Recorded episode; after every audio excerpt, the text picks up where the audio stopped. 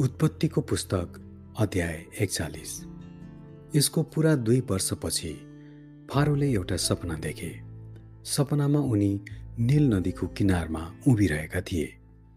निल नदीबाट सातवटा खुब सप्रेका मोटा मोटा गाईहरू निस्केर आए र काँसको घरीमा चर्न लागे।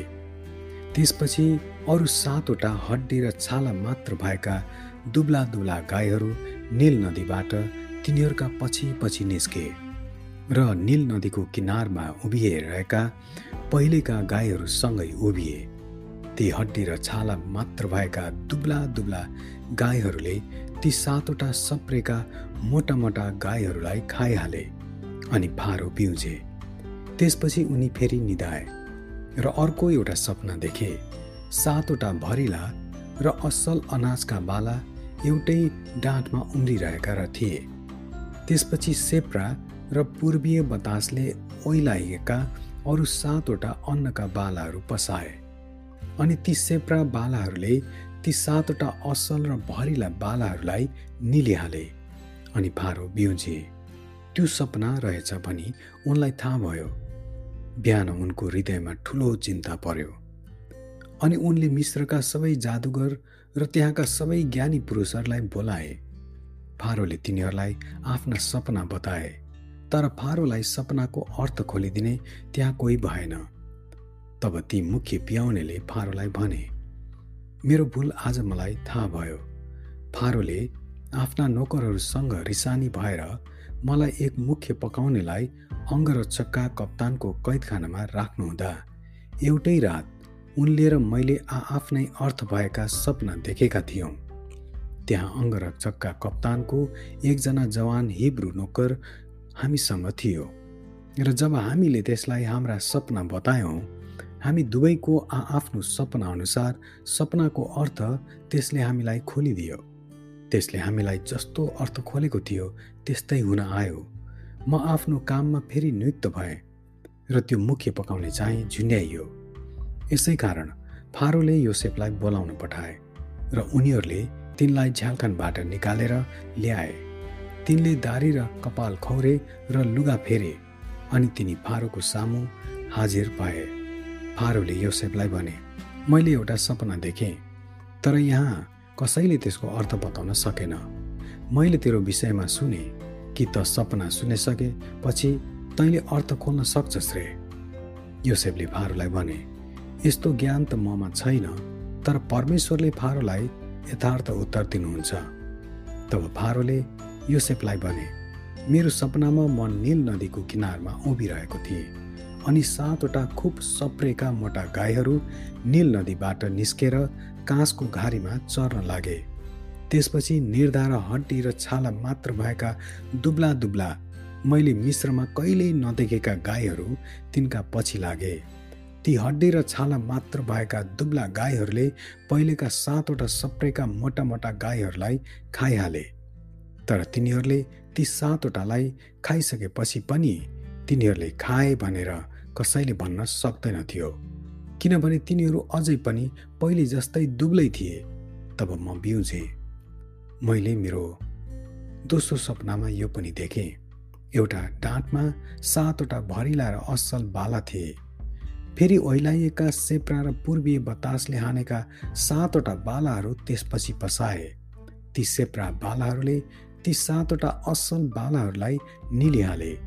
मैले जादुगरहरूलाई पनि यो सपना बताएँ तर मलाई यसको अर्थ खोलिँदा नि कसैले पनि सकेन। तब योसेफले फारोलाई भने फारोका सपनाहरू एउटै हो। परमेश्वरले जे गर्न लाग्नु भएको छ सो फारोलाई प्रकट गर्नुभएको छ। ती सातवटा खुब सप्रेका मोटा मोटा गाईहरू सात वर्ष र ती सातवटा असल बालाहरू पनि सात वर्ष नै हुन्।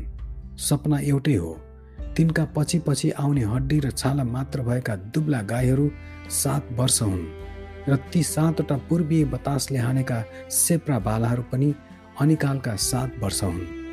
यो मैले फारोलाई निवेदन गरे जस्तै हो। आफूले गर्न लाग्नुभएको कार्य फारोलाई परमेश्वरले देखाउनु भएको हो। मिश्र देशभरि जताततै सात वर्षसम्म ठुलो सहकाल हुनेछ। तर त्यसपछि अनिकालका सात वर्ष आउनेछन् र मिश्रभरि त्यो सहकालको समय बिर्सिनेछ र अनिकालले देश स्वाहा पार्नेछ। पछि आउने अनिकालले गर्दा देशमा भएको सहकालको यादै रहने छैन किनभने त्यो अनिकाल अति भयानक हुनेछ। फारोको यो सपना दोहोरिएको अर्थ चाहिँ हो यो परमेश्वरले निर्णय गरिसक्नु भएको छ र परमेश्वरले चाँडै नै पुरा गर्नुहुनेछ। यसकारण अब फारोले एकजना चतुर र बुद्धिमान मानिस छानेर सारा मिश्र देशमा अधिकार चलाउन नियुक्त गर्नुहोस्। फारोबाट सहकालका सात वर्षसम्म मिश्र देशका उब्जनीको पाँचौँ हिस्सा उठाउनलाई देशमा कामदारीहरू नियुक्त हुन्। तिनीहरूले आउने सहकालका वर्षहरूका सबै अनाजहरू जम्मा गरून्। अनि सहर सहरमा खानका निम्ति फारोको अख्तियारमा अनाजहरू थुपारुन् र ती सञ्चय गरून्। अनिकालले देश विनाश हुन नपाओस् भने मिश्र देशमा परि आउने ती सात वर्षको अनिकालको निम्ति देशको लागि ती अनाजहरू सुरक्षित राखिउन्। यो सुझाव फारो र उनका सारा अधिकारीहरूलाई मन पर्यो अनि फारोले उनीहरूलाई भने यिनी जस्तो परमेश्वरका आत्मा भएको अन्य कुन मानिस हामी पाउन सक्छौँ? तब फारोले यसोलाई भने परमेश्वरले तिमीलाई सबै कुरा देखाइदिनु भएको छ र तिमी जस्तो चतुर र बुद्धिमानी मानिस अरू छैन। यसकारण मेरो महलको अख्तियार चलाउने तिमी नै हौ र तिम्रै आज्ञा अनुसार मेरो समस्त प्रजा चल्नेछ। केवल सिंहासनको सम्बन्धमा मात्र म तिमीभन्दा माथि हुनेछु। अनि फारोले यसोपलाई भने हेर मैले तिमीलाई सम्पूर्ण दे मिश्र देशमाथि अधिकार दिएको छु। तब फारोले आफ्नो छाप औँठी आफ्नो औँलाबाट फुकालेर योसेफको औँलामा लगाइदिए र तिनलाई मलमलको लुगा पहिराइदिए र तिनको गलामा सुनको सिक्री लगाइदिए। तिनलाई फारोले आफ्नो दोस्रो प्रशासक झैँ रथमा सवार गराए।